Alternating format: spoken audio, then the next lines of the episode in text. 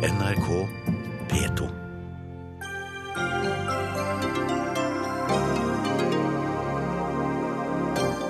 Styret i Norwegian har vært i krisemøte i hele dag. Om to dager trappes streiken kraftig opp. Valget i Israel er rett rundt hjørnet, men Barack Obama vil ikke møte den israelske statsministeren på besøk i Washington.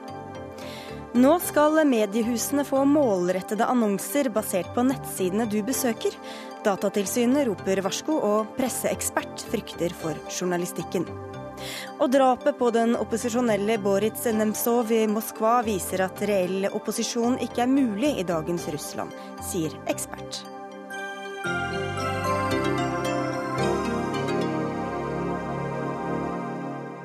Dette er Dagsnytt 18 på NRK P2 og NRK2, hvor vi også får besøk av de påtroppende nestlederne i Arbeiderpartiet etter måneder med spekulasjoner. Jeg heter Sigrid Solund.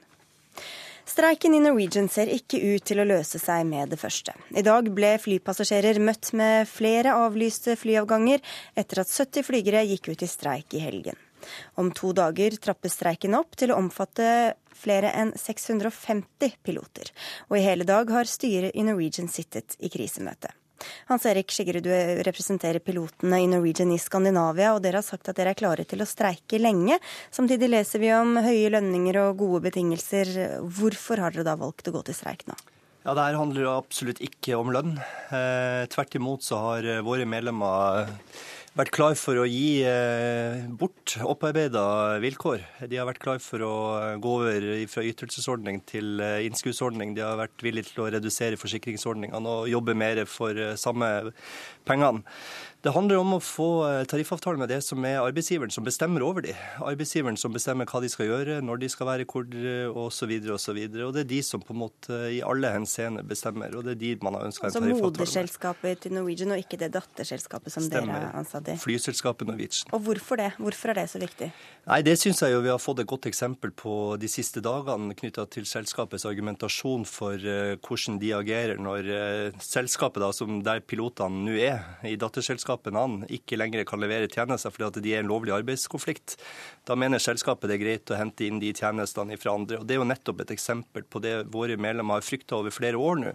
Å bli plassert i et selskap, eh, datterselskap til moderselskapet, der man, eh, moderselskapet kan skalte og valte med de som man eh, finner det nødvendig. For her er det altså snakk om litt ulike betingelser om du er ansatt i det ene datterselskapet eller det andre under moderselskapet. Ja, det er i hvert fall eh, tryggere eh, å være kobla opp imot den arbeidsgiveren eh, som faktisk bestemmer over hvordan arbeidshverdagen din skal være. Vi spurte Bjørn Kjos om han ville komme til Dagsnytt 18 i dag. Det vil han ikke. Han henviste til deg, Torbjørn Lote. Du er leder i NHO luftfart. Hvorfor er det urimelig at de skal ha tariffavtale med moderselskapet? Det er ganske uvanlig for ikke å si utenom spillereglene, at piloter skal forlange å ha en tariffavtale med et annet selskap enn det de er tilsatt i. De ble tilsatt i 2013 i et selskap som heter Norwegian Air Norway. Det er der de har sitt tilsettingsforhold. De har faste jobber. En flykaptein tjener i snitt over 1,1 million kroner i året. De flyr 700 timer i året. Det er ikke det det handler om, sier de da? Ja, det sier de, men det er det som er realiteten. De har faste jobber med svært gode lønns- og arbeidsvilkår. Og nå ønsker de at eh, tariffavtalen ikke bare skal gjelde i Norge, den skal gjelde utenom Norge, i hele Skandinavia. Og de skal ha en ordning som innebærer at man på sett og vis eksporterer kostnadene ut. Jeg vet de benekter det, men det er realiteten. Og vi skal huske på at luftfarten er konkurranseutsatt. Utenlandske selskaper stormer inn i det nordiske og det norske markedet. Til og med selskap fra Mellomøsten begynner nå å operere i Skandinavia. Ryanair snakker om å begynne å fly i Skandinavia. Da kan ikke man eksportere et særskilt høyt kostnadsnivå i Norge ut i verden. Og Med sterk konkurranse og små marginer, hvorfor er det da viktigere at eh, mennesker som fra andre deler av verden hvor man tjener generelt eh, langt mindre, skal tjene det samme som det dere gjør, eh, i stedet for at Norwegian skal ha en god nok økonomi til å drive videre? Altså, NHO her prøver å eh, skape et inntrykk av at våre medlemmer ønsker at f.eks. spanske piloter som jobber i Spania skal tjene det samme som våre medlemmer her i Skandinavia. Det er overhodet ikke det som er tilfellet. Tvert imot så er våre medlemmer opptatt av sine arbeidsplasser her i Skandinavia og ønsker derfor en tariffavtale med det som er den arbeidsgiveren som bestemmer over arbeidshverdagen deres. Og det mener jo vi ikke er et urimelig krav. Men vil ikke det også da gjelde alle de andre, hvis dere skal ha den tariffavtalen med moderselskapet? Nei, altså eh, arbeidstakere organiserer seg og hvis de ønsker det. Og, eh, og, man kan fremme tariffavtale. Nå er det våre medlemmer her i Skandinavia, i Norge, Sverige og Danmark, som er organisert i Norwegian Pilot Union, eh, som har krevd denne tariffavtalen. Også for andre som velger å organisere seg og kreve det samme. Det er jo en helt vanlig måte å organisere i norsk arbeidsliv. Nå har akkurat Avinor foretatt en omorganisering og etablert et datterselskap for flygelederne. Flygelederne aksepterte det. De har tariffavtale i datterselskapet og er veldig fornøyd med det. Har faste jobber og gode lønner, de også. Da må også pilotene i Norwegian eh, akseptere det. De kan ikke legge ned som et krav, som en premiss for å diskutere lønns- og arbeidsvilkår, at de skal ha tariffavtale med et annet selskap. Det er helt utenfor pensum. Og Hva er poenget da, hvis det uansett ikke skal gjelde alle disse spanske piloten og de andre som du nevner? Det er å ha en tariffavtale med den arbeidsgiveren som bestemmer over arbeidshverdagen din. Og det er i dette tilfellet flyselskapet Norwegian, ikke datterselskapet. Og det ser vi jo i praksis hver eneste dag. Når eh, selskapet uttaler seg i media, så er det moderselskapet som gjør det. Det er personalavdelinga sitter i moderselskapet osv. osv. Det kan ikke være for mye forlangt å få lov til å ha en tariffavtale med de som bestemmer over arbeidshverdagen din. Men samtidig med denne streiken så har også sykefraværet gått opp eh, betraktelig både blant kabinene maskinansatte og piloter. Hvorfor eh, skjer det samtidig nå, da, tror du? Jeg tror det er viktig å skille på det som omhandler sykemelding og egenmelding, og det som handler om non-fit for flight, som er særskilt spesielt for luftfartsbransjen og knytta til sikkerhet. Eh, når det gjelder det siste, så er det bare den enkelte som kan svare eller vurdere om de er klar for å fly eller ikke. Jeg syns jo kanskje ikke det er så rart at hvis man er en, eh, på en arbeidsplass som er i en arbeidskonflikt, at man i større grad føler seg uroligere enn andre dager. Så Sånn sett så ville det kanskje vært unormalt om ikke tilfellene av non-fit for flight eh, økte nå i denne situasjonen. Deler dere den analysen, eller? Ja, Vi vil ikke spekulere i det. Vi har bare notert oss at sykefraværet er dobla. Eh, og bedriftene har jo eh, skal vi si, syns jo det er litt pussig, da, eh, og har iverksatt ordninger for å håndtere det. Men så til det som du var inne på helt til begynnelsen også, at man henter inn piloter fra andre deler av selskapet for å fly de eh, flyene som eh, deres piloter streiker streikende piloter skulle ha kjørt. Det kaller dere for streikebryteri? Ja, det er vår klare oppfatning og vurdering at det ikke kan være noe annet. Altså En lovlig arbeidskonflikt hvor den som streiker blir erstatta av noen andre til å utføre de oppgavene de skulle ha gjort, eh, det kan nesten ikke vi vurdere på noen annen måte enn streikebryteri. Ja, Det har fagfolk av ulike oppfatninger om. Det har ingen eksakt vitenskap. Det er ikke lovregulert. Hva mener dere da? Eh, vi har registrert at Norwegian har gjort en grundig faglig vurdering av det. Eh, de har jo redegjort for oss for hvordan selskapet er organisert, og at det kommersielle ansvaret ligger i morselskapet, som Skjeggerød har påpekt her, at de har trafikkrettigheter, landingsrettigheter og alle kommersielle avtaler. Og så har de flere underleverandører som leverer produksjon, inkludert NAN. Og Når en underleverandør er i konflikt, så kan de tilpasse det og trekke inn andre underleverandører for å gjøre den jobben. Det har vi sett også i andre tilfeller, eh, bl.a. i et videre case for, for en tid tilbake. Det som også er litt interessant her, det er jo at Selskapet er jo økonomisk skadelidende som følge av denne konflikten. Det er jo poenget med en konflikt òg, at arbeidstakerne kan ramme selskapet økonomisk. Det kan nesten virke som om Parat ønsker at det også skal ramme en uskyldig tredjepart, nemlig flypassasjerene. Det syns jeg er merkelig. Det som er så alvorlig med streikebryteri, det er at vi eh, i den norske modellen har et system for forhandlinger og meglinger. Eh, og når man ikke da kommer fram til en enighet, så får man en arbeidskonflikt, altså en streik. Eh, Meninga med den streiken er at den skal svi for begge parter. Den skal svi for våre medlemmer som streiker, og det skal svi for arbeidsgiver. Det skal svi så mye at man velger å sette seg ned igjen og prøve å tilstrebe seg å finne løsninger. De løsningene finner man ikke hvis den ene parten undergraver effekten. Og at NHO her sitter og forsvarer denne måten å gå fram på, eh, noe som undergraver den norske arbeidslivsmodellen, det er nesten uforståelig. Jeg kan love at denne streiken svir. Man taper penger hver eneste dag. Flypassasjerene vil jo ikke booke billetter når den usikkerheten henger over selskapet. Så selskapet taper svært mye. Det svir skikkelig for selskapet. Og da kan ikke du komme og hevde at man undergraver streikeretten fordi det ikke svir. Nei, Men du mener at det Norwegian gjør er innafor, eller? Vi har, vi har, notert oss de vurderingene selskapet har gjort. og våre Hva betyr det? Er, syns dere at det er greit? Ja, og Våre eksperter i NHO har sett på det og mener at det her er en grundig og samvittighetsfull vurdering på hvordan man kan håndtere situasjonen. Og helt OK. Helt ok. Ja, Og hvis dere var organisert på den måten dere ønsker, så hadde det vært vanskeligere for Norwegian å gjøre det på den måten?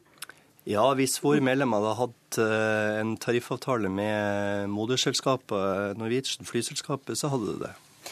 Um, vi har med deg også her, eh, Arvid Reidar Rødegård, du er ekspert på arbeidsrett. Hva sier du, er dette streikebryteri eller ikke? Det er i hvert fall i nærheten av en grense, muligens over. Grunnen til at jeg ikke kan svare mer uttømmende på det, er jo at vi ikke helt eh, kjenner faktum på hva selskapet har tenkt å gjøre. Men når de snakker om at den, det streikerammede selskapet skal eh, leie inn piloter for å erstatte de som er i streik, så er det i utgangspunktet en klassisk streikebrytersituasjon.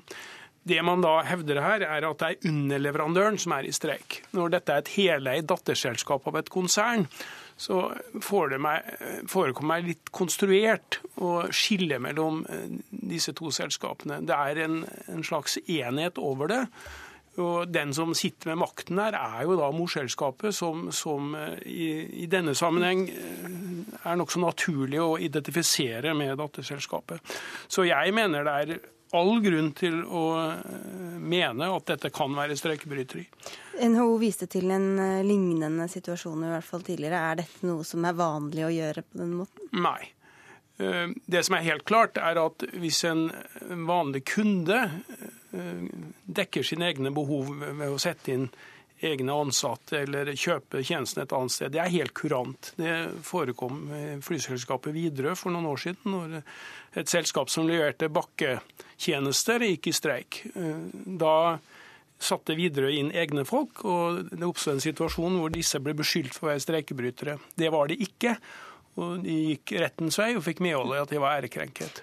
Men, men, det spesielle er, er at kunden og underleverandøren er del av samme konsern. Og så er det dette du sier, eller hva som er sedvane eller hva som er etikk. Men hva med loven i det, da? Er det ulovlig å drive Nei, med streikebrytere? Nei, streikebrytere er ikke ulovlig. Tvert imot. Det er ikke lovregulert og er for så vidt eh, ikke mulig å stoppe med, med juridisk verktøy. Det er bare ansett som moralsk forkastelig.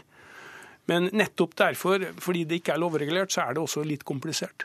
Og så er det dette med at eh, det blir spekulert i om det er en gå sakte-aksjon, om, om det er OK eller ikke, de som blir sykemeldt, de som skriver egenmelding. Og da har også selskapet sagt at det ikke er greit å, å sende og ta egenmelding for å være sykefravær. Er det innafor? Ja, det er nokså kurant som reaksjon, fordi folketrygdloven har tre ledd i paragraf 827 som gir adgang til å ta fra ansatte retten til å bruke egenmelding. Eh, det første er hvor man har brukt opp en kvote, det er ren automatikk. Og så er det en skjønnsmessig adgang hvis man har grunn til å tro at vedkommende egentlig er arbeidsfør. Men så er det også i tredje ledd en adgang til å ta fra retten hvis man har mistanke om aksjon. Og akkurat her syns jeg kanskje det er naturlig når sykefraværet fordoblet seg på en vanlig søndag.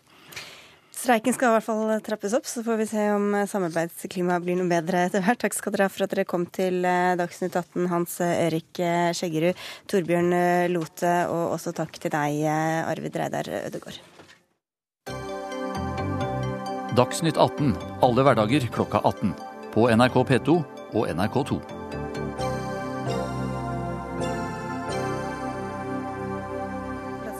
Da skal vi til debatten om regjeringas salg av statlige verdier som eh, ruller og går. I dag kom et nytt kapittel nå om salget av statlig skog. For i dag la Statskog fram utredninga som regjeringa ba om i fjor, om hvor mye skog staten bør selge. Statskog foreslår å øke salget av små skogseiendommer med 150 kvadratkilometer, nesten ingenting i forhold til de 2300 kvadratkilometerne som regjeringa har ønsket å kvitte seg med. Landbruks- og matminister Sylvi Listhaug, hva syns du om at Statskog foreslår så lite i forhold til dere? Nei, Vi har jo nå eh, satt i gang en utredning nettopp for å få gode innspill på hvordan vi kan få mer ut av skogsverdiene i Norge. For Hovedproblemet i Norge er jo at vi har enorme mengder med skog, men vi greier på liten, eh, eller egentlig veldig liten målestokk å ta ut de verdiene eh, som er der. Så det, Bakgrunnen for at vi ønsker en utredning, var jo fordi at vi ønsker å skape mer verdiskapning i, i distriktene. Vi ønsker å skape mer arbeidsplasser. Og så selger vi jo en del skog allerede. Det er jo skog som Arbeiderpartiet og den forrige regjeringa satte i gang et salg av. Det er litt mindre, mindre skogseiendommer, ettersom hva jeg har forstått. ja, det varierer litt, men det er da et arronderingssalg for å få mer Eh, bedre eiendomsstørrelse ute i distriktet. Men, men, men, du sa dere vil ha gode innspill. Hvor avgjørende blir dagens innspill for hva dere velger å gjøre, da? For oss er det jo viktig å ha en utredning i bunn. Når eh, Knut Storberget og den forrige regjeringa satte i gang, så var han jo ikke bekymra for jakt- og fiskerettigheter, f.eks. Når han valgte å selge ut det, så så han ikke på konsekvensene av det. For denne regjeringa så betyr jakt- og fiskerettigheter så mye at vi ga et eget mandat til utredningsgruppa for å se på det.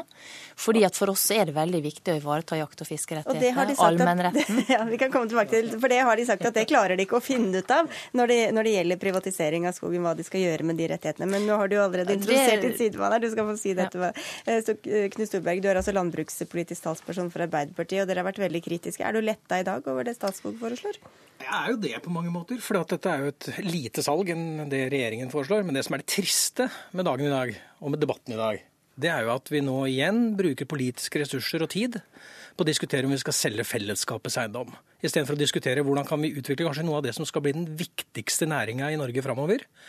Nemlig hvordan vi skal utvikle skognæringa. Jeg mener jo at vi trenger en stor motor i det arbeidet. Akkurat som vi har Statoil og Statkraft, så trenger vi Statskog. Alt det vi kan få av tømmerstokken. Eh, kan, eller alt det vi kan få olje. Må staten gjøre det, da? Jo, men jeg tror det er viktig med en stor motor i dette arbeidet. Og Statskog det har ikke vært noen dårlig skogeier. Industrielt sett så har man drevet veldig godt. Men det er som statsråden sier, at vi trenger å utvikle dette mer i et sånt bioøkonomisk perspektiv. Da er det trist at vi stadig må drive og slå tilbake salgsforsøk fra regjeringen. Dette er jo et, en, et, en politikk som nå viser seg å ha støtte fra kanskje under 15% av befolkningen. De ser verdien av at sånne evigvarende ressurser må beholdes på, på fellesskapets hender. Og hvis vi ser rundt oss i Europa, det er interessant, så ser vi jo at Norge altså er av de nasjoner som eier minst statlig skog. Sammenligner vi oss med Frankrike, England, Danmark, Sverige, Finland eller for den saks skyld USA og Canada, så ligger vi altså på bånn. Slik at dette er jo ikke noe kommunistisk politikk, hvis Listhaug skulle være frista til å si det. Hvorfor skal vi da selge når de andre ikke gjør det? Nei, altså Det henger jo ikke på greip når han eh, sier det han sier nå, når du tenker på at det var jo dere som satte i gang salget av av 600 000 dekar skog. Sånn at når du snakker om at det er så forferdelig å selge skog til private, så er det jo du sjøl som er satt i gang det gjennom den regjeringa du satt i. Og denne regjeringa har ikke solgt ei busk. Ja, to sekunder om det. For, at, dette gjentar hun til stadighet. Men mm. den rød-grønne regjeringen kjøpte altså 1,2 millioner dekar skog av Borregaard. Og i forbindelse med det kjøpet så ble det sagt det helt riktig at noen småteiger og, og, av arronderingsmessige hensyn kunne selge selges ut. Men det har jo aldri vært meninga at man skulle forsterke Statskog med 1,2 okay, millioner dekar. Eh, og så skulle vi, skulle vi selge alt etterpå. Det var oppklaringen fra Storberget. Men, men dere satte i gang et salg av 600 000 dekar skog. Og alt det salget som har foregått i vår regjeringsperiode vi har ikke solgt ei busk, så ikke de regjering var for så vidt den som satte i gang. Men dere vil jo selge mye mer nå, da, så hvis vi konsentrerer Nei, oss om det? Det vi ønsker, er jo å finne mekanismer som gjør at vi kan få mer ut av skogen. Og for å ta et eksempel, altså Norsk inndeling av eiendom innenfor skogen, den er altså tilpassa ei tid der folk gikk ut i skogen med øks, og der de brukte hesten for å dra ut tømmerstokkene fra skogen. Altså små, små eiendommer. I dagens verden så er det store skogsmaskiner man bruker. Man driver veldig effektivt, og man trenger store områder for å drive effektivt. Og Det er derfor det er så viktig at vi ikke bare ser oss blind på måten alt gjøres på i dag, men at vi må tenke nytt. Men Hva er forskjellen for meg som, eller for, for folk i Norge om, om det er staten som eier den skogen og holder på med den skogsdriften, eller om det er private? Private som gjør det? Det viktigste er at vi får mer verdier ut av skogen totalt sett. Hvordan vet vi hva de private vil bruke den skogen til, da? Altså, det er 80% av skogen er eid av private i dag. Men problemet er at det er for mange små eiendommer, og det er derfor vi må stimulere til større eiendommer. Av de, en av de tingene som vi må gjøre for å få til det, det er jo f.eks. å fjerne priskontrollen, som innebærer at politikere og byråkrater kan gå inn og si at det, den prisen som dere to private avtalt dere mellom, den er for høy, så du får ikke den prisen. Og det er også noe som Statsråd viser til i rapporten, at det er en hemsko for å få okay, til en god utvikling. Det er vel liksom et annet element. Hvilken rolle spiller det Knut Storberget, hvem som driver den skogsdriften? Jeg tror det er viktig at vi har et balansert eierskap. Ja. At vi har et sterkt privat eierskap når det gjelder skog, men samtidig at vi har den motoren som Statskog utgjør. Det er litt underlig å sitte og høre på statsråden, som mener altså at vi har for mange små skogeiendommer i Norge, så vi må selge mer Statskog. Statskog er altså den største skogeieren, der vi virkelig har muligheten til å skape en motor. Og så er det et annet perspektiv i dette her som er enda viktigere for mange mennesker. Jeg håper det er jakt og fiske. Det er jakt og fiske. Det er altså sånn at mange, og det er et samfunnsoppdrag for Statskog, å sørge for at befolkningen får rimelig jakt og fiske. Jeg satt her i dette studio for noen måneder siden, diskuterte med Høyres representant, hvor det ble sagt at jakt og fiske var for billig i Norge.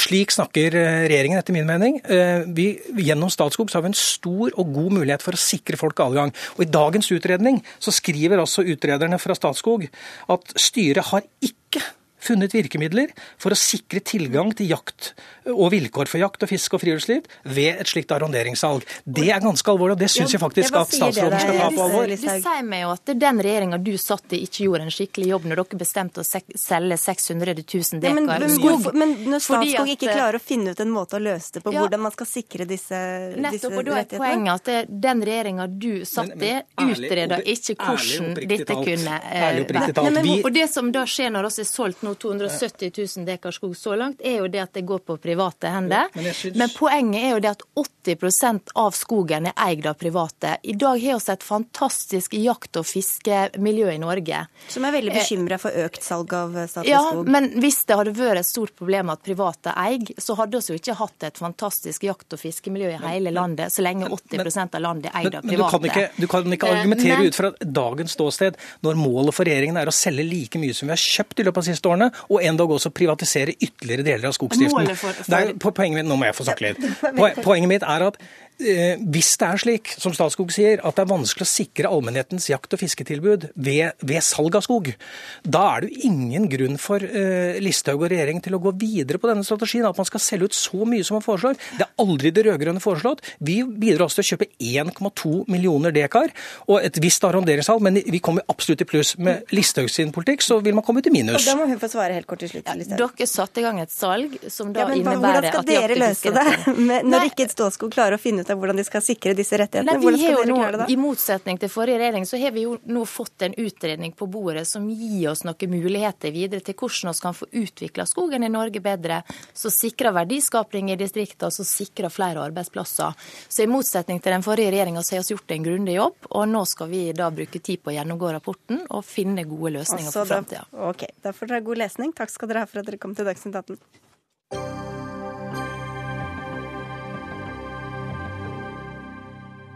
I månedsvis har spekulasjonene gått og ulike navn vært oppe til diskusjon. Lokallag har presset på for å fremme sine kandidater, og mange er blitt veid og vurdert. I dag ble valgkomiteen i Arbeiderpartiet enig med seg selv, og innstiller Trond Giske og Hadia Tajik til nye nestledere når Helga Pedersen går av på landsmøtet til våren. Så dere får gratulere, begge to. Takk skal du ha. Takk for det. Trond Giske, du har vært omtalt som eh, kronprins i partiet, stått sentralt gjennom eh, mange, mange år. Hva er din store visjon for det Arbeiderpartiet du skal eh, være med å lede? Det er at vi skal vise tydelig en annen retning enn det vi får nå fra regjeringa, hvor de største pengene går til de rikeste, og man tar fra de fattigste. Ja, men vi skal bygge... de blå, Så de nei, store visjon er å ikke gjøre som de blå? Nei, vi skal vise en helt annen retning. Vi skal bygge eh, et samfunn for alle. Vi skal sørge for at skole, eldreomsorg og helse er det vi bruker pengene på. At vi fortsetter å ha et samfunn med små forskjeller, og hvor ikke hvem eh, du er født inn i verden som, hvilke foreldre du har, hvilken økonomi du har, avgjør din framtid, men hvor alle får like muligheter. Det er jo det som er den fantastiske visjonen for Norge. Så tror jeg også at vi skal, når forhåpentligvis vi kommer tilbake i regjering i 2017, være en pådriver for den omstillinga og fornyelsen både av offentlig sektor og privat næringsliv som vi trenger. Eh, Bl.a. for å sikre arbeid til folk i en eh, situasjon hvor det er ganske kritisk eh, med økonomi og næringsutvikling okay. i, i, Europa. Eh, Hadia Tajik, på Facebook i dag så skrev du at hva du ville sagt til deg selv som tolvåring om hvor langt du er kommet. Hva betyr det for deg nå at du er blitt nestleder i Arbeiderpartiet? Altså, Da jeg var 12 eller 13-14, så kunne jeg aldri forestille meg at det fantes denne type muligheter for folk som hadde et litt rart navn, eller så litt ja, eller hadde en pussig hudfarge. Men uh, nå har jo eh, Altså, livet har lært meg både hvordan det er å oppleve å bli mistenkeliggjort og fremmedgjort. Det har jeg opplevd i andre situasjoner i mitt liv. Eh, det er med stor ydmykhet at jeg opplever å få denne type tillit i Arbeiderpartiet eh, av valgkomiteen når de nå foreslår meg. Og så håper jeg at landsmøtet òg går med på det. Men det er klart, eh, det hadde betydd noe for meg som 12-13-åring eh, å vite at det finnes muligheter på alle nivåer av samfunnet. Og jeg håper at det kanskje betyr noe for 12-13-åringer i dag å se at det, det, gjør det faktisk. Det er ikke bare en festtale. Jeg tror ikke Martin Kolberg at du hadde foreslått dem hvis ikke du hadde vært ganske sikker på at landsmøtet kommer til å følge det du har eh, innstilt på som leder av eh, valgkomiteen?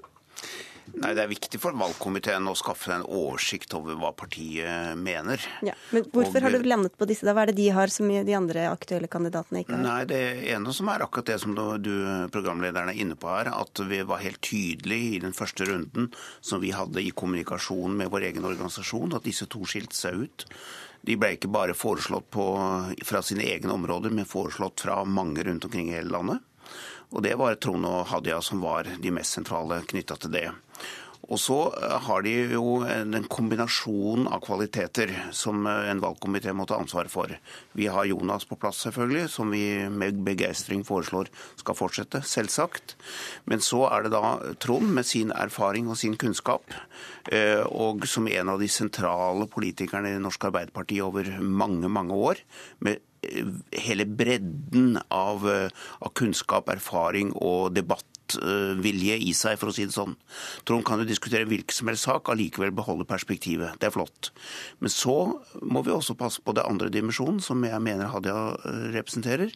Det er den nye generasjonen i Arbeiderpartiet. Der er det mange veldig bra. Mange veldig bra. Og eh, Hadia er en av de fremste blant dem. Og eh, hun har i tillegg denne dimensjonen som vi har vært litt inne på her nå allerede, eh, innvandrerbakgrunnen, eh, som gjør at et moderne sosialdemokrati som vil favne hele samfunnet, må også sørge for at mennesker med den type erfaring, som hadde jeg skrevet om på Facebook i dag, også får plass i Arbeiderpartiets ledelse. Men så kan man spørre deg, Hvem av dere er det som representerer arbeideren i Arbeiderpartiet? Altså, eh, Vi er vel alle vokst opp i, i hjem som kom fra små kår. Men mye eh, arbeiding har dere ikke gjort så mye utenom politikken? Vel, altså hele drømmen eh, til Arbeiderpartiet, i, i hvert fall da min mor og far vokste opp på småbruk med ganske fattige kår, var jo at folk i Norge skulle få utdanning, skulle få muligheter, skulle eh, klare seg godt. Det samfunnet har vi jo bygd. Eh, og det at da også Arbeiderpartiet reflekterer det moderne samfunnet, det syns jeg er veldig bra. Men så er det jo også sånn at nå sier Martin Bent om oss, det er hyggelig, men vi skal jo sitte i et sentralstyre med 21 eh, mennesker. Vi skal sitte i et landsstyre, vi skal sitte i en stortingsgruppe. Og det er jo det store laget som Arbeiderpartiet er, som avgjør om vi lykkes å få gjennomslag for politikken vår. Eh, for til sjuende og sist så handler jo ikke politikk om oss som politikere. Politikk handler jo om vi klarer å gjøre livet til folk i Norge bedre. Om det er skole, eller om det er tryggheten i alderdommen, eller om det er helsevesenet. Det er det det handler om. Og da er vi OK, vi er satt opp på spissbenken akkurat, eller spissplassene akkurat nå på, på, på laget.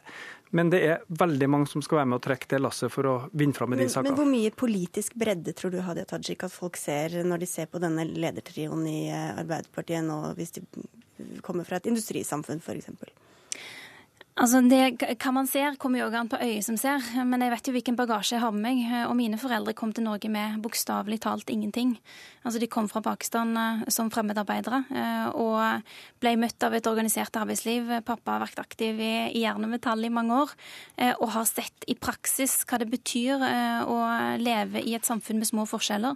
Det at han ble tatt imot på en skikkelig måte da han var ny i Norge, er jo det som gjorde grunnen under føttene hans solid. Det er jo noe av det som har gjort gjort det mulig for meg å stå støtt eh, og å ta sats og å kunne hoppe. Det er klart at det å bli møtt på samme måte for andre mennesker i Norge i dag har veldig mye å si for både hva slags Norge vi får, men òg hva slags muligheter hver enkelt har. Hvordan skal dere Martin Kolberg, fordele ansvar? Altså, jeg har forstått at Det er ikke sånn første og andre nestleder, de stiller på, på like fot. Og så er det jo alltid spekulasjoner da, om hvem som skal overta. Nå er det jo ikke så lenge siden Jonas Gahr Støre ble ny nestleder. Men hvorfor vil dere legge opp til en posisjon hvor det er en mulig kniving i framtiden, og i det minste spekulasjoner om hvem som skal overta om noen år? Ja, jeg satt og tenkte mens du spurte at jeg forstår nesten ikke spørsmålet. Nei, fordi det, valgkomiteen har overhodet ikke tenkt disse tankene. Hva er den prinsipielle begrunnelsen for å ha to nestledere, da? Ja, En prinsipiell begrunnelsen er at det var et ønske nå i organisasjonen om å skape grunnlag for litt flere i ledelsen. Og det har jeg forholdt meg til. Det var jo en tydelig ønske ut i partiets organisasjon om at vi nå skulle ha to, ledere, to nestledere om forlatelse. Men eh, hvem som skal overta partiet den dagen Jonas skulle tre til side, det har vi overhodet ikke forholdt oss til. Eh, vi regner med minst sånn tiårsperspektiv på enhver leder i Arbeiderpartiet, og da har det skjedd så mye at eh, vi har sikkert helt andre perspektiver. Og så skal vi huske på i dag også at vi har jo foreslått en ny partisekretær, som Kjersti Stenseng fra Oppland, som jo eh, i partiets, Arbeiderpartiets kultur representerer også en betydelig maktposisjon, i tillegg til disse to. Det vært eh, altså det er sikkert mange der ute som, eh, hva, som tenker sitt, holdt jeg på å si. Vi får jo beskyldninger om eh, litt av hvert her i NRK. Og det har jo vært veldig mye interesse knytta til hvem som skulle bli nestledere. Så bare for å ha sagt det, så hadde, hvis det var Høyre det gjaldt, så hadde vi hatt nestlederne sittende her da også. Men, men, hvordan har det vært å være en del av alle de spekulasjonene både de siste månedene og de siste årene når det gjelder deg, Trond Giske? Nei, altså Jeg har jo sittet i sentralstyret i nesten 20 år og vært med på tre lederskifter. og Martin har vært med på enda flere. Eh, og jeg har aldri vært med på et skifte i Arbeiderpartiets ledelse, både da Jonas ble valgt eh, og nå, som har vært mer fredelig. Jeg skal si det sånn, jeg har sittet i sentralstyret under litt mer turbulente forhold, for å si det mildt. Og Det tror jeg reflekterer noe mye dypere, nemlig at Arbeiderpartiet er veldig politisk samla. Eh, og når det ikke er politiske skillelinjer som ligger bak personkonflikter, så blir det heller ikke så bitre strider. Da blir det litt mer hvordan fordeler vi de kreftene vi har? Vi har utrolig mange flinke folk som ikke blir nestledere eller ledere, men som skal fortsette som eh, stortingsrepresentanter, som ledere for ulike felt, og presentere politikken vår. Og, til sjuende og sist så er det jo det at folk ser at Arbeiderpartiet har eh, en annen visjon. Eh, folk ser at vi er mer samla enn noensinne, og at vi er klar til å overta. Eller at dere sitter stille i båten, eller noen da legger Ja, men det der er veldig interessant, det spørsmålet om stille, sitte stille i båten. fordi at, fordi at, fordi at Eh, man sier at det er Høyre og Frp sin politikk f.eks. selge statsselskap og Statskog, som du hørte i stad. Men det å, å, være oss da, er å si ja, men vi gjør det motsatte. Vi beholder eh, Statskog. Vi bygger videre. Vi må, så det er det, den må, selvrosten som. Gir oss, som gir oss ja. medvind, tror jeg. Helt til slutt, Hadia Tajik, hvordan har det vært for deg å liksom måtte si ingen kommentar nå i fem måneder? Du, Jeg har opplevd denne prosessen som eh, god, eh, grundig, demokratisk. Eh, det er et sunnhetstegn ved et politisk parti når det er mange aktuelle navn til høye verv i partiet. Det betyr at det er mange flinke folk. Eh, og jeg mener at det skal være et mål for Arbeiderpartiet fremover òg. At det er flere synlige, tydelige talspersoner for partiet vårt som tar mye plass. Og neste gang dere kommer, så får vi ha litt flere politiske motstandere her, og ikke tre fra samme parti. Takk skal dere ha i hvert fall for at dere tok dere turen. Thank you.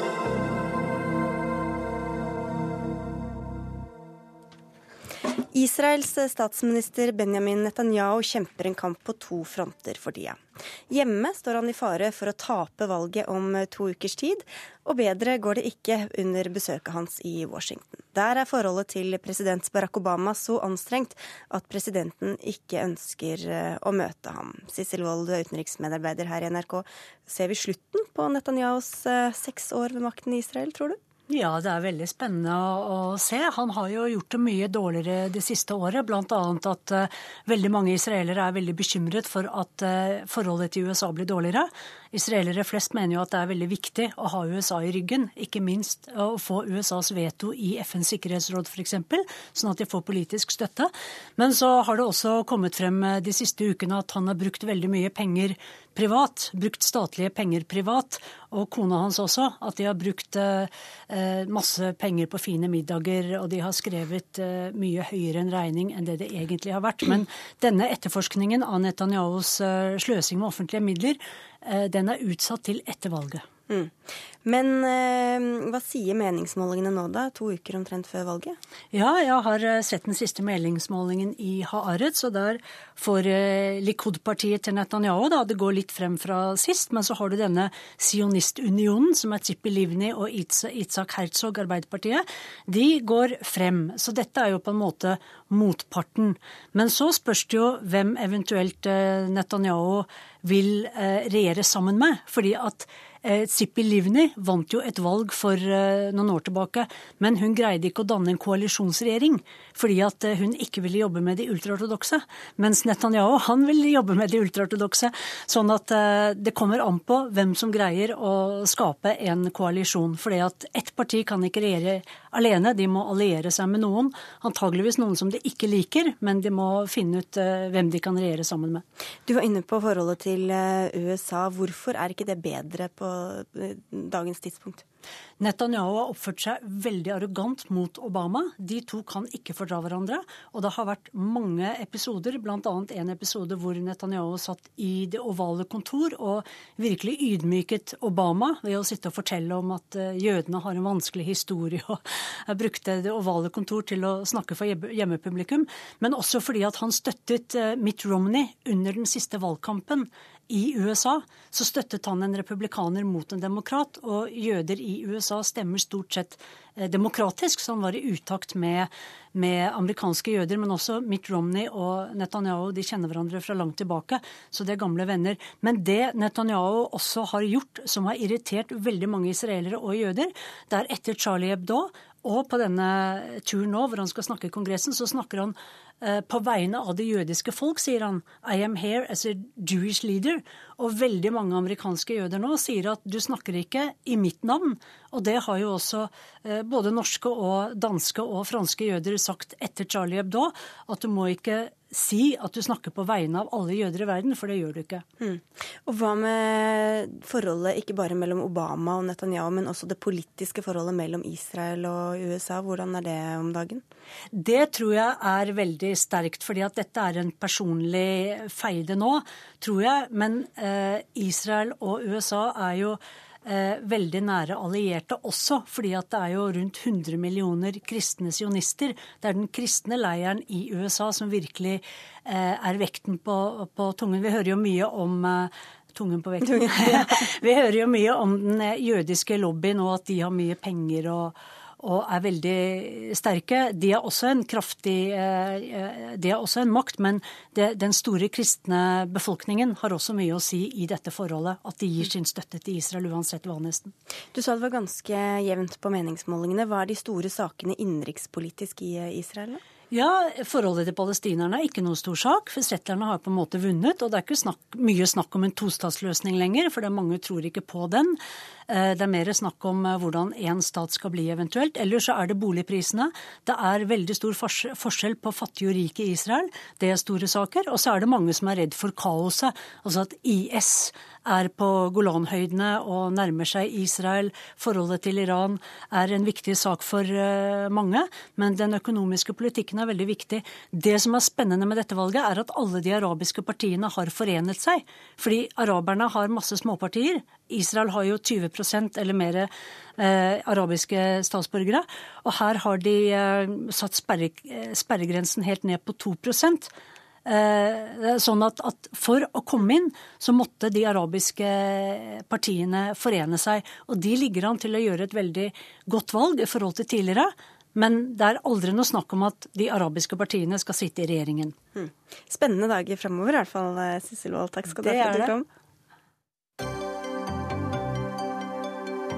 Hør Dagsnytt 18 når du vil. Radio NRK.no.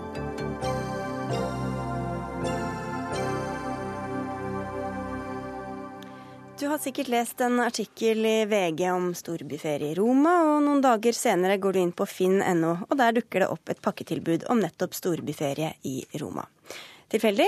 Neppe. For Skipsted ser deg og tilpasser annonsene til akkurat deg og dine interesser. Mer om det straks, men først om teknologien som gjør dette mulig, nemlig big data, eller stordata. Og Håkon Haugli, du er administrerende direktør i Abelia, som organiserer teknologibedriften i NHO. Og i morgen skal dere ha en stor konferanse om nettopp eh, stordata. Hva er det for noe, egentlig? Ehm, stordata er eh, data som eh, samles inn fra mange forskjellige kilder, og som eh, i sum blir kunnskap. Det er jo ikke noe nytt. Allerede på 1800-tallet var det leger som samlet inn informasjon, og som satte den i system, og som gjorde analyser på basis av den, f.eks. ved et stort kolerautbrudd i London i 1846, hvis jeg husker riktig. Men ny teknologi gjør jo mulighetene mye større, og det er der vi er nå. Big data er en stor trend. Den gir muligheter muligheter for eh, næringsutvikling og forbedre offentlige løsninger. og Det er dette vi ønsker å sette fokus på. Og Samtidig så reiser det en rekke problemstillinger knytta til personvern og datasikkerhet og annet. Og Det vi har spurt folk om i en spørreundersøkelse, er jo hvordan de vurderer denne balansen. Ja, Hva svarer de da? Ja, Det det viser, er at folk ikke er eh, naive. Folk gjør eh, bevisste valg. Folk er langt mer positive til at myndighetene samler inn og bruker data, enn de er til at kommersielle aktører gjør det. Eh, og Samtidig så er et stort flertall for at big data brukes hvis det kan f.eks. gi bedre helsetjenester eller bedre utdanningstilbud. Så det er et sammensatt bilde, og først og fremst et uttrykk for at folk ikke er naive, men at de ser mulighetene, men også de utfordringene det byr på. Hvor er mulighetene og potensialet størst da i fremtiden? Ja, kanskje f.eks. innenfor eh, helsesektoren. Eh, undersøkelsen viser at to tredjedeler er positive til en digital eh, legejournal, pasientjournal, som kan brukes til å skreddersy et tilbud, f.eks. kalle dem inn til helseundersøkelse når den medisinske historien tilsier det. Eller innenfor utdanning, innenfor skole, hvor det kan gi skreddersydde oppgaver og tilbud til elever, og bidra til å forhindre frafall og gi en mer individuelt tilrettelagt undervisning. Og der er mulighetene kjempestore. Men at uh, noen følger med på hva vi driver med på nettet, det er vi mer skeptiske til? Det er vi mer skeptiske til, det er riktig. Men samtidig heller ikke helt entydig der òg. Vi gjør det i stor grad. Folk bruker disse verktøyene, men reagerer eh, noe mer negativt på det enn på f.eks. myndighetenes bruk av big data. Likevel har dere meldt dere på i dette kappløpet, Lars Vinden, du er personvernombud i Skipsted. Hvorfor det? Eh, for oss så handler dette om å lage tjenester som er gode og engasjerende for brukerne våre. Eh, når vi forsøker å forstå verden og, og brukerne, så ser vi noen ganske tydelige trender. Eh, det, som handler om brukernes atferd og, og, forventninger når de er på nett. En av disse trendene er jo at uh, brukerne nå i stadig økende grad forventer at tjenesten er personalisert og tilpasset deg som bruker. Og Her har vi store amerikanske tjenester som har gått i bresjen. Uh, Facebook for eksempel, er nesten utenkelig å tenke seg at den tjenesten skulle eksistert uten at meldingsstrømmen f.eks. var tilpasset deg og de vennene du har og de interesse, interessene du har. Så Det er en av disse trendene. Eh, en annen trend er at eh, brukernes mediebruk har endret seg. Eh, vi ser at Tidligere så kjøpte man kanskje avisen om morgenen og satte seg ned ved frokosten og leste den fra, fra omtrent første til siste side. Nå er man kanskje inne på nettet flere ganger om dagen. Og vi som eh, nettsted har, har, eh, kanskje bare et minutt eller to til å fange deg som bruker, og dra deg inn i eh, innholdet vårt som vi har å tilby. Men dere skal jo tjene penger på det her også, da, gjennom eh, annonser, og de skal være, det skal være reklame som er direkte retta mot deg. Kan du gi et eksempel på hvordan dere skal jobbe med det her? Ja, altså, eh, Annonsering har jo alltid vært med å finansiere journalistikken. Og det å målrette annonser har skjedd på internett ganske lenge. Det vi tror jo, og det vi ser også etterspørselen fra annonsørene, er jo at de ønsker å treffe bestemte målgrupper. De ønsker å være relevante, de også, på samme måte som vi ønsker å være det. Og da har de valg med Enten så kan de spamme hele Norges befolkning med budskapet sitt, eller de kan prøve å treffe folk som er i en situasjon der budskapet deres er mer relevant. Og det er der vi håper at vi kan Eh, jobbe sammen med annonsørene for å skape mer interessant innhold. Et konkret og praktisk eksempel på det er jo hvis man er på boligjakt, søker på bolig på Finn, eh, så syns jeg det er ganske kjekt å få både tilbud om eh, eller få, få se andre interessante boligobjekter, men også å få lånetilbud fra bankene når jeg er i den situasjonen. Og det kommer vi til å se mer av. Katarina er seniorrådgiver i Datatilsynet. Vi hører at folk flest er ganske skeptiske til det her. Har de grunn til det? Ja, både ja og nei. Eh, vi ser jo det i dag at eh, personopplysninger har fått en helt eh, enorm verdi. Og at det er veldig mange selskaper som ønsker å tjene penger på våre personopplysninger. Og det er da viktig at folk vet hvilke opplysninger som samles inn om oss, og hvordan de brukes. Og det vi opplever hos Datatilsynet, er at eh, hvis virksomhetene ikke er åpne om det de driver med, hvis de begynner å bruke personopplysningene de samler inn til nye formål, da begynner telefonen å ringe i Datatilsynet. Så når Coop begynte å analysere handlekurven, og folk fikk veldig målrettede tilbud som de ikke helt forsto hvorfor Coop kunne vite så mye om dem, så ringte de til Datatilsynet og lurte på hva er det egentlig som skjer nå. Mm. Hvordan kan vi være sikre på at dere passer på personopplysningene på en ordentlig måte, Skipsstedet? Nei, For det første har vi jo et veldig strengt eh, regelverk å forholde oss til i Europa, eh, som, som, stiller krav til bl.a. datasikkerhet. Man skal kunne dokumentere rutinene på det å, å gjennomføre dette i praksis. Eh, vi har jo også lenge nå hatt et godt samarbeid med Datatilsynet, der vi får veiledning og, og diskuterer problemstillinger. Eh, men for oss så handler jo dette, dette også om å være åpne og transparente på det vi driver med. Brukerne våre skal forstå hva som skjer. og i denne debatten her synes jeg det er viktig fra vårt ståsted å presisere at det vi er opptatt av, er hva brukerne gjør på våre nettsteder. Vi har andre amerikanske selskaper som er interessert i alt de gjør på nett. Eh, der er ikke vi. I tillegg til åpenhet og transparens så, så tror vi at valgfrihet er viktig. Eh, hvis, hvis, brukerne får eh, påvirkningsmuligheter, så tror vi at de i langt større grad er villige til å akseptere de fordelene som, som tjenestene gir. Men vet vi egentlig hva vi begir oss inn på, Ønnes? Det tror jeg er et veldig viktig spørsmål. For det er selvfølgelig i, i et viktig prinsipp i personvernet er at vi skal samtykke til at opplysninger samles inn om oss.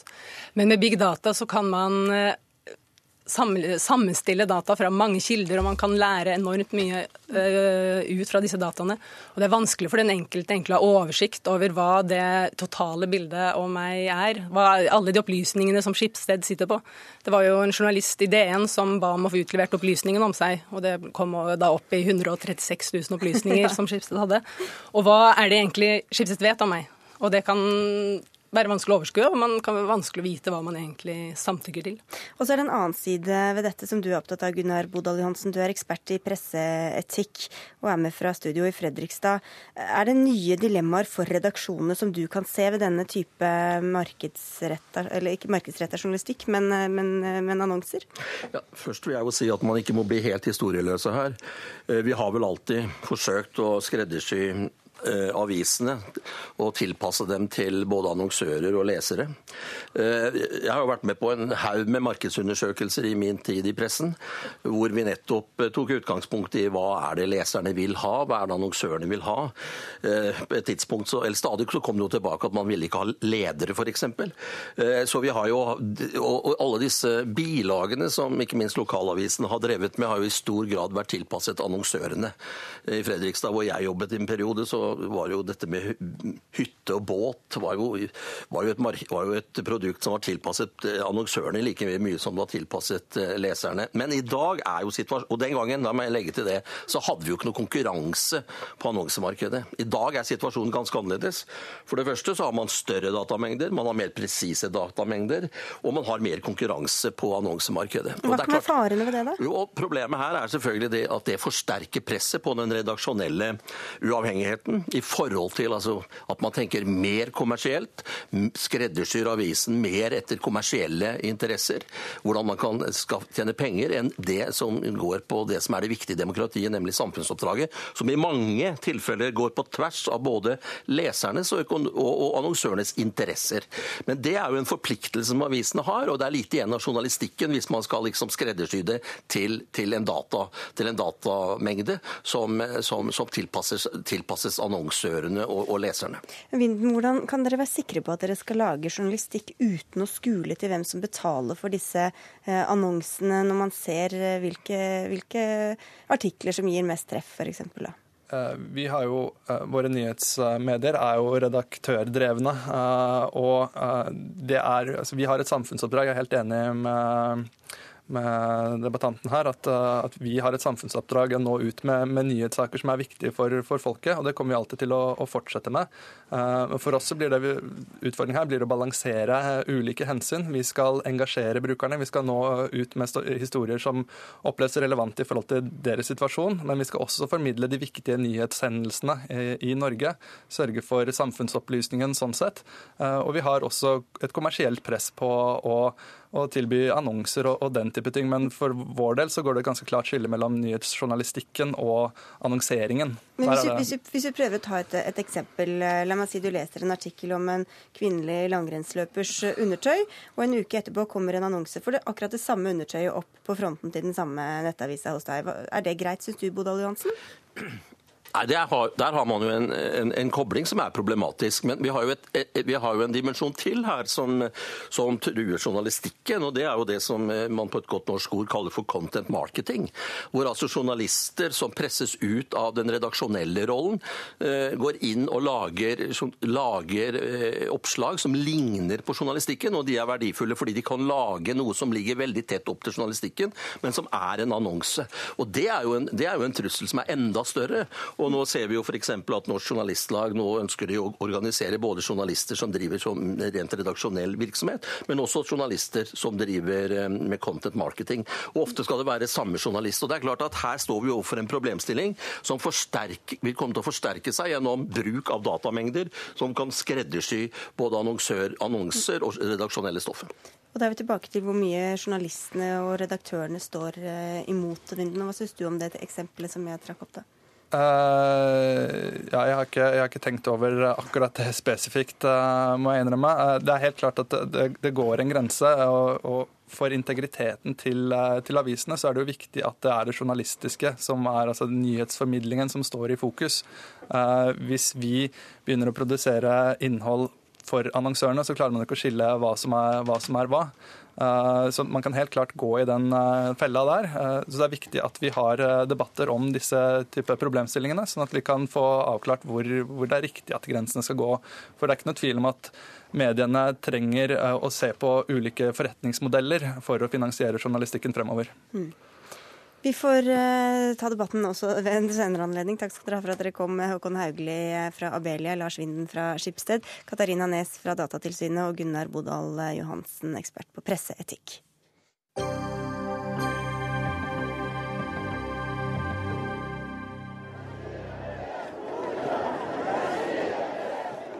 Minst 50 000 mennesker samlet seg til minnemarsj i Moskvas gater i går for å hedre opposisjonspolitikeren Boris Nemtsov, som ble drept på åpen gate fredag kveld. Mange av verdens ledere har fordømt drapet, og president Putin har kalt det en provokasjon. Nemtsov sa nylig i et intervju at han fryktet for livet sitt pga. motstanden han har vist Putin. Korrespondent Morten Jentoft i Moskva, hva er siste nytt om etterforskningen?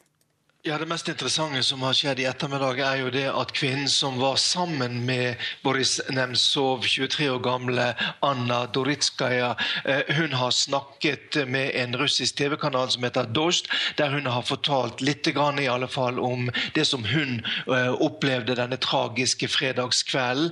Hun forteller at eh, de to hadde møttes på en restaurant like ved Den røde plass, og så da gått i retning av Boris Nemtsovs bolig, som ligger på andre siden av Moskva-elven. Hun sier at hun ikke husker så veldig mye av det som skjedde. Hun har likevel kunnet gi et slags signalement som gjør at man fra politiet sin side har eh, laget et robotbilde av eh, det som trolig er morderen. Han er ca. 70 i høyde og eh, har mørkt hår. Ellers så er det ikke noe spesielt nytt i etterforskningen, eh, men som du sier, så eh, er det satt inn store styrker for å prøve å store eh, krefter for å finne ut hvem som Eh, står bak dette mordet. Og eh, fra president Vladimir Putins kontor er det sagt at presidenten selv da følger etterforskningen nøye. Ja, hvilke teorier er det som verserer om hvem som kan stå bak dette drapet? Ja, Det er jo en rekke teorier som eh, verserer. Boris Nemtsov var en omstridt person. Han satt den siste tiden som folkevalgt i byen Jaroslavl, der han også fortsatte sin kamp mot korrupsjon. Det skapte han fiender der. Han møtte og, og, fikk også kritikk da fra, fra, det islamske samfunnet her i Russland, fordi han gikk åpent ut og kritiserte dem for ikke å være klar nok i fordømmelsen etter drapene i Paris i forbindelse med angrepet på satirisk tegnetidsskriftet Charlie Hebdo. Og så er det selvfølgelig Ukraina. Boris Nemtsov skal ha, ha, gjort klar en slags rapport da, som viser, dokumenterte den russiske russiske deltakelsen i krigen på de prorussiske separatistene sin, sin side. Dette dette er selvfølgelig også kontroversielt i Russland. Det har vært en nasjonalistisk bølge her i landet da, til støtte for eh, opprøret øst i eh, Ukraina.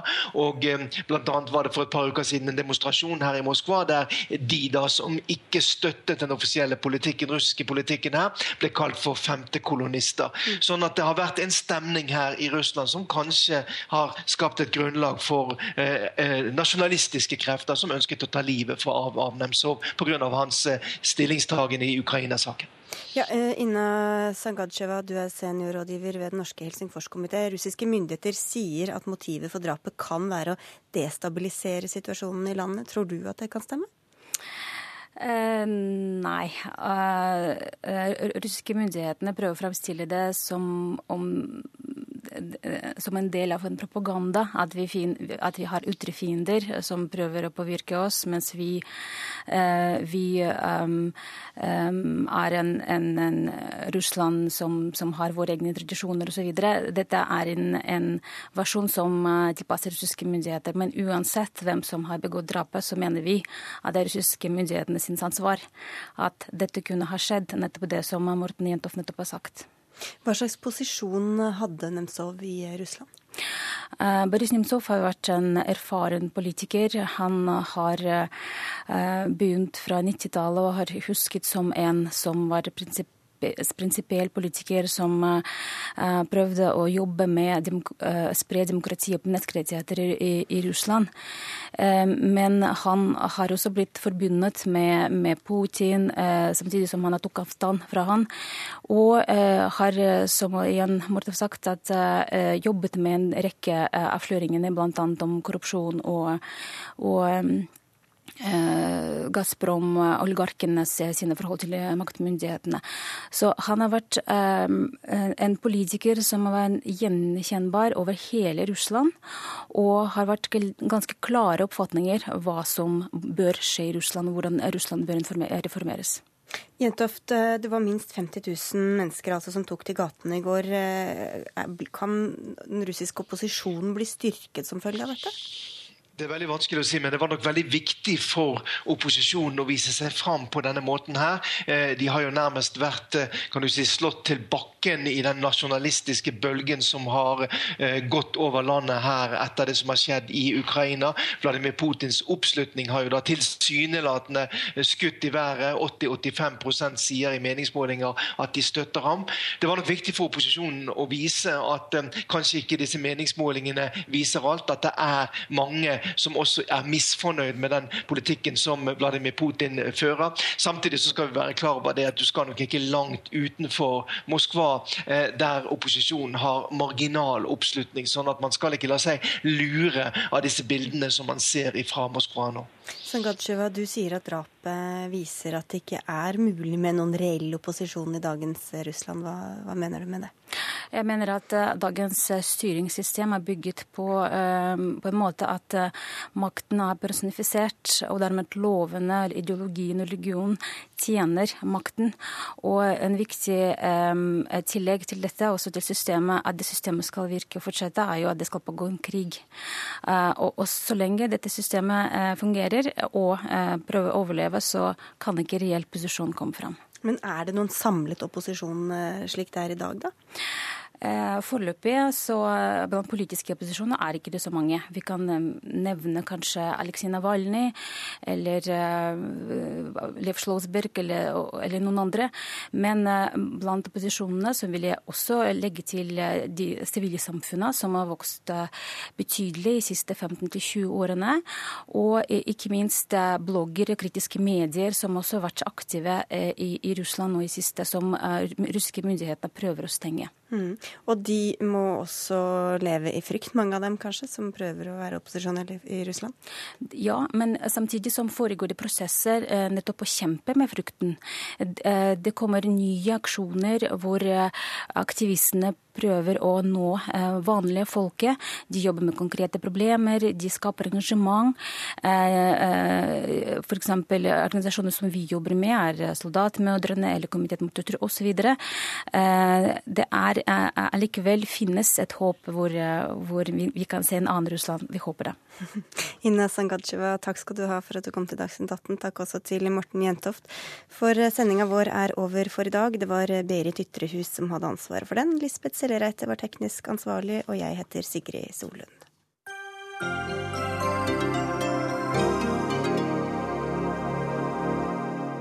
Hør flere podkaster på nrk.no podkast.